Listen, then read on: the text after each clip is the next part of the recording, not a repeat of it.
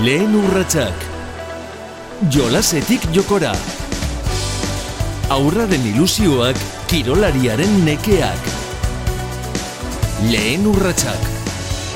Munduko txoko ugari ezagutzen dituzte gure gaurko protagonistek eta paretak zenbat pareta ezagutzen ote dituzte. Horixe baita euren eh, pasioa paretak igotzea, bide berriak zabaltzea, mundu esploratzea azken finean.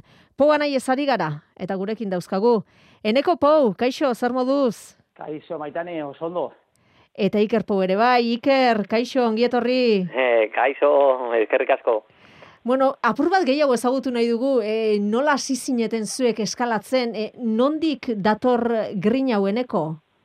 Bueno, grina hau badator gurasoetatik. Gu beti suerte handia izan dugu, e, Euskal Herrian, azkenean e, mendiarekiko grina pasatu alako belaunaldi batetik bestera. Eta hori gertatu zitzaigun guri, hementxe gazte izen, e, araban. Iker, eta noiz konturatu zineten, e, eskalada izango zela zuen bizitzako erdigunea? Bueno, ja txikitatik, ez, azkenean goratzen dut, e, ni hasi nintzen amabos urtekin, eta ja hor afizio, bueno, handia zen, ez, amabos urtekin, da, gehien guzta izin dana, gero pizkanaka, gero urtea pasa, eta gero, ja, hogei urtekin, ja, bueno, ja nengoen guzti izen gantzatuta, ez, e, mendira, eskalada, eta dena, bueno, e, gira egiten zuen e, horren, ez, horren munduan, ez, eta azkenean, ba, bueno, urtea pasa dira, eta hor jarraitu dugu, ez, baina ja txikitatik konturatu ginen. Amabost urte, aipatu duzu iker, eta aurrez, eskolako patioan, e, gainontzeko gelakideekin eta zekirol praktikatzen zen ituzten sartzen duten gustokoen? Bueno, de, denetatik egiten genuen, ez? E, goratzen dute, egin genula, bueno, e, saski baloia egin genula, e, denetatik, ose, pizkat dena praktikatu genuen, atletismo baita, pizka bat mendia juten ginen beti kastolarekin, beti gandero juten ginen, e, antolatzen zuten, e, bueno, e, gurasoak antolatzen zuten autobus bat, eta horra juten ginen beti, eta, bueno, ni ustut, kirol guztia frogatu ditugula, baina azkenean gehien gustatu, bueno, zitzaigun azkenean, hori amauz urtekin, ba, ba eskalada, ez, montan bai pila bat, egin genuen baita, denetatik pizka bat. Eneko, eta denetan zineten onak?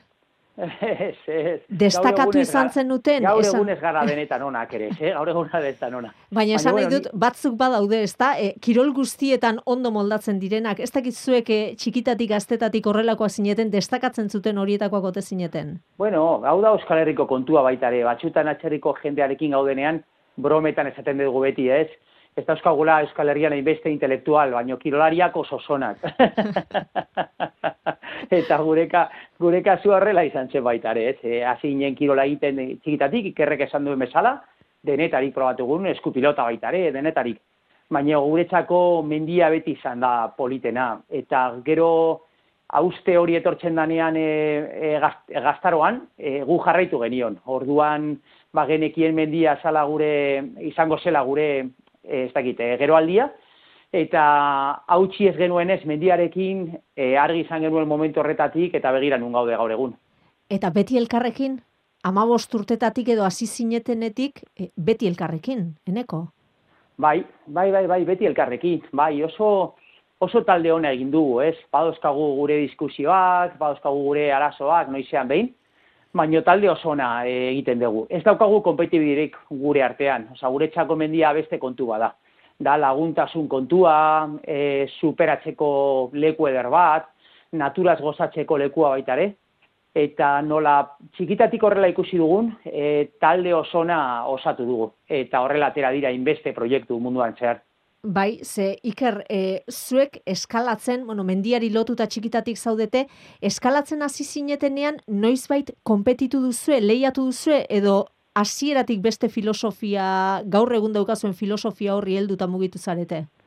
Bueno, nire kasuan e, hasieran goratzen dut, bueno, eskalatzen hasi ginen, e, urteak pasa ziren eta goratzen dut lagunak, ba bueno, eh kompeti, bueno, kompetizioetara juten zirela, ez? Eta orduan Ba, bueno, ba, ni uste dut parte hartu dela hiru kompetizioetan, hiru edo lau kompetizioetan, baina, ba, bueno, juteagatik, ez nola, laguna juten ziren, e, askotan e, oporrak eta gero guintzitzen zuten, eta, bueno, oporretan guden, juten ginen ara, e, parte hartu, baina ni kontratu nintzen azkar, ez itxalea dara bat ere gustatzen, ez, e, kompetitzia, e, gaizki ematen zitzaidan, ez zitzaidan ez doakat ez dakit kompetentzia hori, ez, ez dakat malizia hori kompetitzeko, eta ez zitzaidan gustatzen, eh? ni nahi egon un mendian beti egotea, eta guratzen dut beti ba, oso gutxitan parte hartu du kompetizioetan, baina juten nintzenean, igual juten nintzen oso nekauta, ez, eren, justo egun balenago, egoten ginen arrokan, a, bueno, a tope eskalatzen, e, bueno, lehertu arte, eta urrengo gunean, ba, juten ginen, ba, bueno, lagunak agurtzera, ez, e, kompetizioa, eta gero buelta mendira. Eneko, zugere ez duzu sekula eskalada, lehiak dako kirol moduan ikusi? Ez, ez, ez du, inoizko, bueno, ikere kometitu du, komentatu bai. duena, oso denbora gutxian, oso gutxian, eta ni inoiz.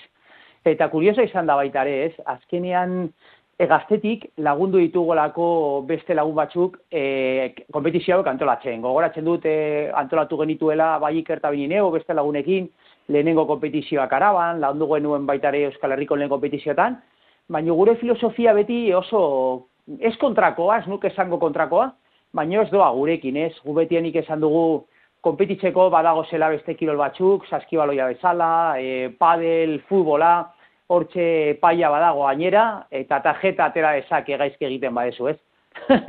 Guretzako media beste kontu bada, osea, beste balore batzuekin, eta zaiatzen gara beti balore horiek e, gordetzen. Horregaitik uste dut ez dugula konpetitu, baina ulertzen dugu baitare, gizartea, gehien bat jende gaztea beste hildo batetik e, dijoala, eta horregaitik konpetitzioen nahi duen jendeari bagu laguntzen diogu, baina baitzatzen dugu ez dela benetazko mendikoko e, ba, e, zera balorea.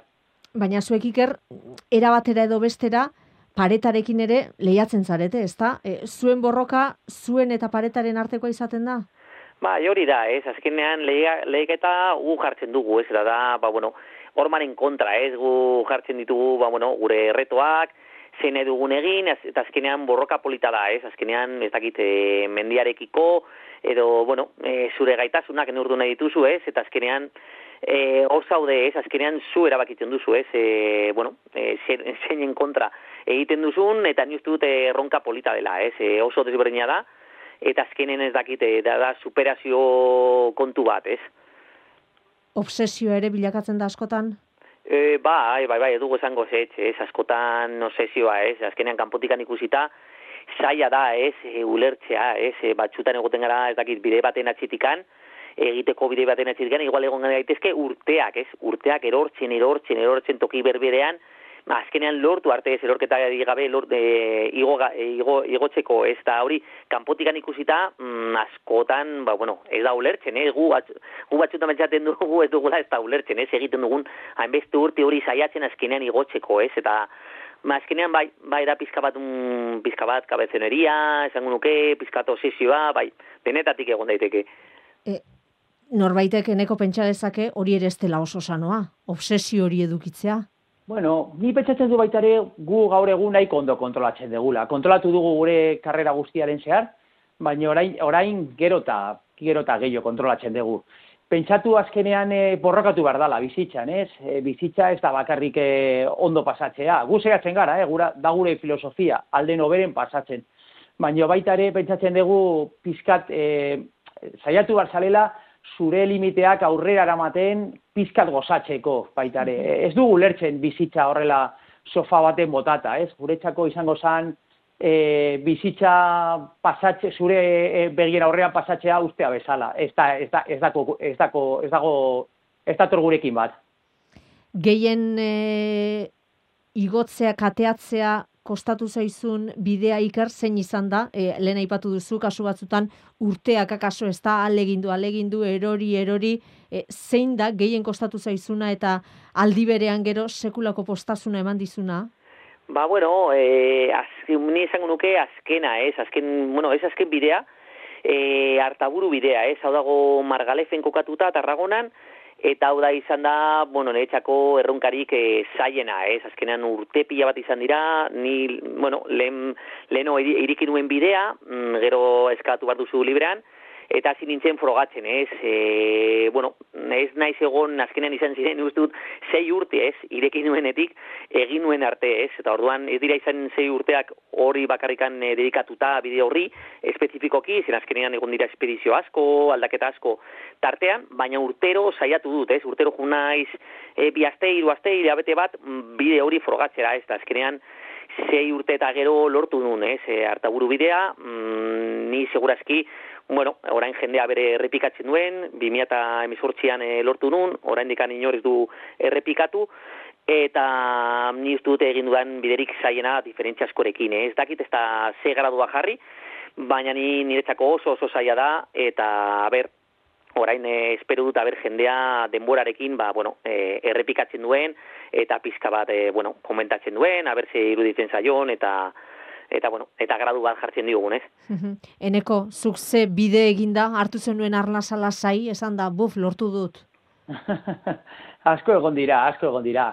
Beira, e, kostatu zitzaigun asko bere garaian, zazpi parete zazpi kontinente egiten gaudela Fitzroy mendira igotzea, Patagonian, el txaltenen, e, Parque Nacional de los Glaciaresen, e, Argentinan. Hortxe asko kostatu zitzaigun. E, bi, ur, bi urte jarraian zaiatxe, badaki seguraldia oso kaskarra dala hortikan, eta egon behar zara, e, egon behar zara momentuan, e, momentu horretan, osea, ezin, ezin duzu e, bidetik akastu, osea, oso, oso adi egon behar zara, eta momentu horretan igo. Eta kostatu zitzai gona esperientzia falta pizka genukalako, eguraldia txarra izan zen urtetan jarraian, baina azkenean lortu genuen eta lortu genuen baita ere zazpi pata zazpi kontinente proiektuaren zeigarren horratxa lortzea. Zuen bizimodu ezin da eskaladarik gabe lortu eta ezin da e, eneko iker gabe eta iker eneko gabe ulertu. E, harreman estua da, sendoa da, e, horrek pentsatzen dut, e, asko indartzen duela, ez da, e, zuen muina e, oso bat zerate, e, bi pertsona zarete, baina bat izango bazinate bezala ulertu behar dugu zuen harremana? Bai, hori da, ez, azkenean, ez dakite talde oso, bueno, oso kompaktua egiten dugu, ez, azkenean, e, lortu ditugun gauzak, lortu ditugu, e, bueno, taldean lan egin dugulako, ez, e, oso kordada potente, bueno, e, bihurtu gara azkenean, e, biek elkarrekin, eta azkenean badakigu, bueno, lortu ditugun e, igoerak, eskaladak eta mendiak, lortu ditugu, ba, bueno, lanean egin dugu, dugulako taldean, oso ondo lurtzen gara biok elkarrekin eta hori asko errestazen e, du, ez, eskalada guztiak, ez, azkenean, ez da berdina beste lagun batekin eskalatzea edo zu nahiarekin eskalatzea, e, txikitatik eskalatu zuen e, pertsonarekin, ez? Orduan, ni uste dut, e, bueno, e, fundamentala izan dela, ez? E, azkenean, ba, bueno, biek lekarrekin, bai, azkenean ondo lertzen gara, eta bueno, ez dugu ezta itzegin behar e, gure artean jakiteko e, nola nola bueno, nola akomititu e, paretan, nor jumar den lehenengo,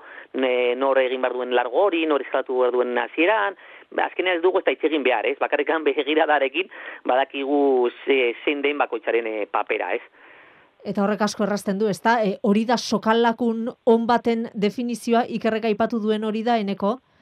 Bai, bai, bai, dudari gabe, dudari gabe. Pentsau mendian eta horrelako bide teknikoetan, bide saietan, eh, adibera jartxeagatik, ez? Azkenean, ibili e, gutxi gora bera, e, jende ge, e, gehiena ibili daiteke mendian, ez? Baina eskalatzea zonalde zar, e, osaz, e, zai baten, horretarako oso prestatuta egon barzara. Orduan, konplizidade hori, hori bien artean oso garrantzitsua da eta gu ailegatu gara konplizidade maila oso oso oso altura eta oso soka da gutxi lortu dute hori e, mundu mailan.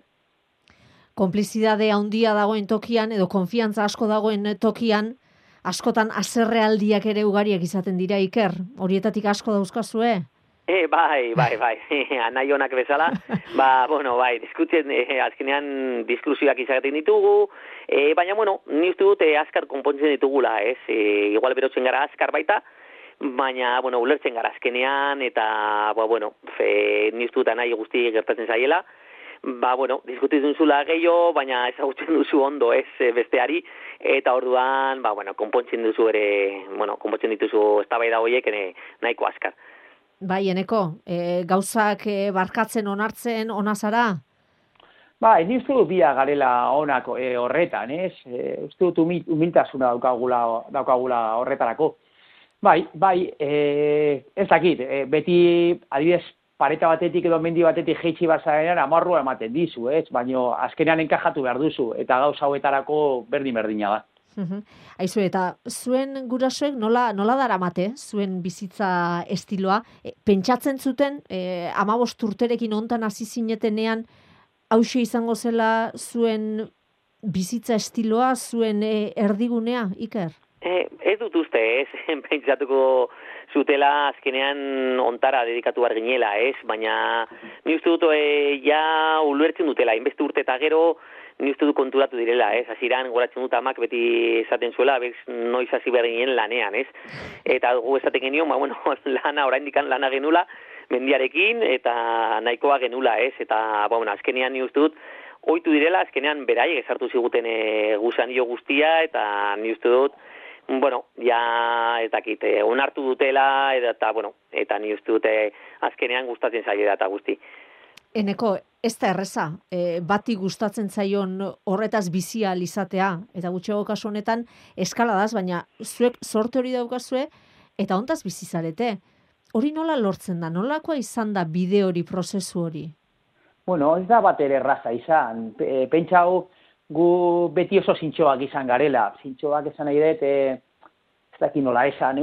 Uste euskaldunak orokorrean, orok ez guztia, baina orokorrean zintxoa garela, ez? Eta gu, e, gure karrera guztian zehar, joan gara pizkanaka, e, o- oihartzuna ateratzen baino ez gehiegi, bakarri gure aktibidade onak egiten genituenean, eta horrela dara magu urte pila, urte urte pila, eta ez da bater erraza, pentsa oso jende gutxi gaudela mendiaz bizitzen, baina gu baita ere, lehenengo momentutek eh, esan genion gure buruari, mendiaz nahi, nahi bagenuen eh, bizi, alde batetik e, zaindu barko genuela e, alde komertziala, horretaz bizializateko, baina beste aldetik nazi, nazi gabe mendiko baloreekin. Uste dute bi gauza horiek beti oso banandutak izan ditugula, eta jendea hori asko apreziatzen du. Eta uste dugu, uste, uste dugu baita ere, gure karreraren atxetik eta hain, hain luzea izan dela horregaitik. Banandu izan ditugulako sondo gauza bat bestetik. Beti pentsatu izan dugu mendiaren baloreak oso oso polita direla gizartearako. gizarterako.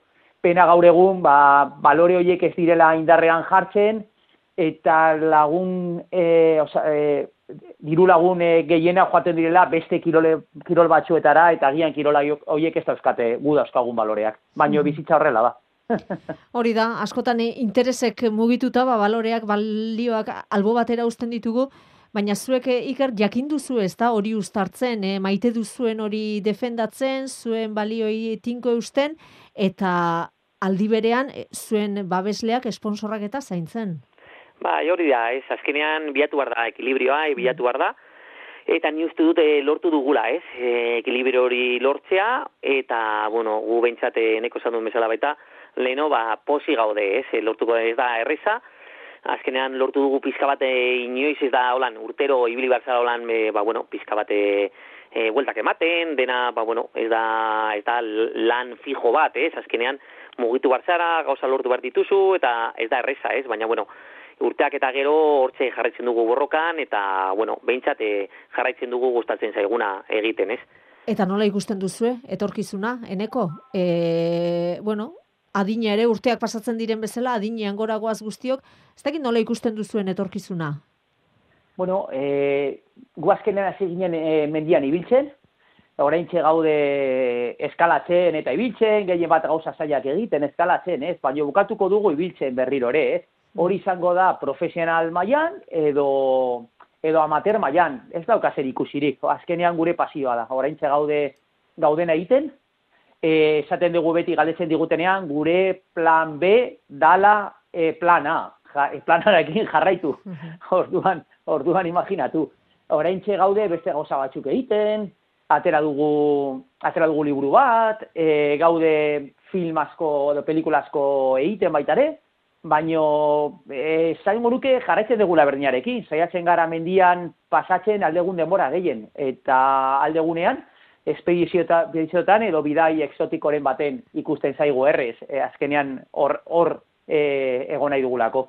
zuen helburuak lortzeko eta prestaketa fisikoari dagokionez iker, e, entrenatzailerik izan duzu esekula edo zuen kaxara moldatzen zarete? Bueno, gure kasa, kasara, bueno, ibili garaia beti, ez, ni goratzen dute hasieran hasi nintzen oso txikitan, ba, lagundu zidatela pizka bat, ez, e, aber nondikan jun, ze ariketak egin, pizkatxo bat olan, baina ez holan entrenamentu e, fijo, fijo bat, ez, goratzen dut hilabete batzuk egon nintzela, pizka bat, eta baina gero fe, ibili gara gure kasara, ez, azkenean, normalen enbesti beraiekin ez dakogu holan entrenamentu fijo bat eramateko, ez, ez du, ez aio gustatzen, enbeste programatutak ibiltzea, eta, bueno, gure kabuz egiten dugu pizkatxo bat, moldatzen dugu, depende egin bar dugun, espedizioa, edo kirol eskalada, edo zen egin bar dugun, saiatzen gara pizka bat moldatzen, ez egin bar dugun duguna, ez, baina, bueno, holan prinsipioz ez oso zientifikoa, ez. Baina egun normal batean zenbat ordu e, pasabitzake ikerpouk entrenatzen? Ba, bueno, normalean, e, normalean beti zaitzen gara aitzan eskalatzen, ez, ez kanpoan, ez, orduan, igual, fetakit goiz guztia edo egun guztia pasatzen dugu kanpoan, ez, eta to, e, guraldi tokatzen denean, edo pizka bate rokodroma egin bar denean, edo lan, ma, kalkulat dugu segurazki lau ordu izaten irela, gutxe gora bera, eta askotan, ba, bikoitza zen egiten dugu rokodromo, eta igual, e, bueno, korrika egin, mendian, edo bizikleta, ez, beti egin dugu baita, kombinatzeko eta depende zet, zetortzen den, urrengo hilabetean, ba, bueno, e, sartzen dugu kaina gehiago aerobikoari, edo eskaladari, edo biak batera, eta, bueno, hola moldatzen gara. Ez zaudete geldik egoteko eneko zeuk esan duzu, ez da, ez zaizula gustatzen bizitza sofatik eserita pasatzen e, ikustea, eta bueno, e, gauza asko egin dituzue, e, espedizio pila bat egin dituzue, bide berri ugari esploratu dituzue, liburu bat idazteko aina. Bai, e, denbora ia denetarako, ez dakit nondikan atrezen dugun, baina ia denetarako. bai, pentsatzen dut, ezagutzen digun jendea, kanpotik, esaten digu os, e, energia hundia dokagula. E, Gapa genera man hogei urte liburu horren atzetik, eta orain pandemia etorri dela eta atera diogu alde ona, eta goizeko bostetan ez natxe, lortu dugu hori, liburu hori bukatzea. Hau papou, una vida en cordados. Iker, e, zer da zuretzat liburu hau? Bueno, liburu hau azkenean da, ez dakit, e, gure bizitzaren laburpen txiki bat, ez, ez da guztia agertzen, baina, bueno, e, pizka bat munduan agertu ginenetik, holan laburpen txiki bat, ez, e, repaso eman da, ba, bueno, e, espedizio batxutara, ez daude guztiak, e, bibentzia asko, ni izango nuke aventura liburu bat dela, ez, abentura liburu bat e, askorako ematen duena, liburu bat baino gehiago idazteko hain abentura egin dituzuen, eko? Ba, ikerrek esan duena, ez niztu, liburu potoloa dala, e, berreun tala irogeita mar horri alde hauska, zeulara, hogeita mar argazki, bi liburu dira baten. Mm Da badago, argazki liburu bat eta eta irakurtzeko beste liburu bat. Lan erraldoia, esango nuke genuke baitare lan polita, jendeari asko gustatzen ari zaio, e, gehien bat ez dalako goi mailako literatura, goi ez gara idazle profesionalak, ez? Baino horrela ere, jende guztia ulertu dezake, baitare e, freskoa da, divertigarria, e, pentsatzen dugu gure bide, e, ibilbidearen erresumen polita dela. Hogei urte, liburu honen atzetik, e, Iker, e, obsesio izan den pareta hori baino gehiago kostatu da, liburu hau idaztea?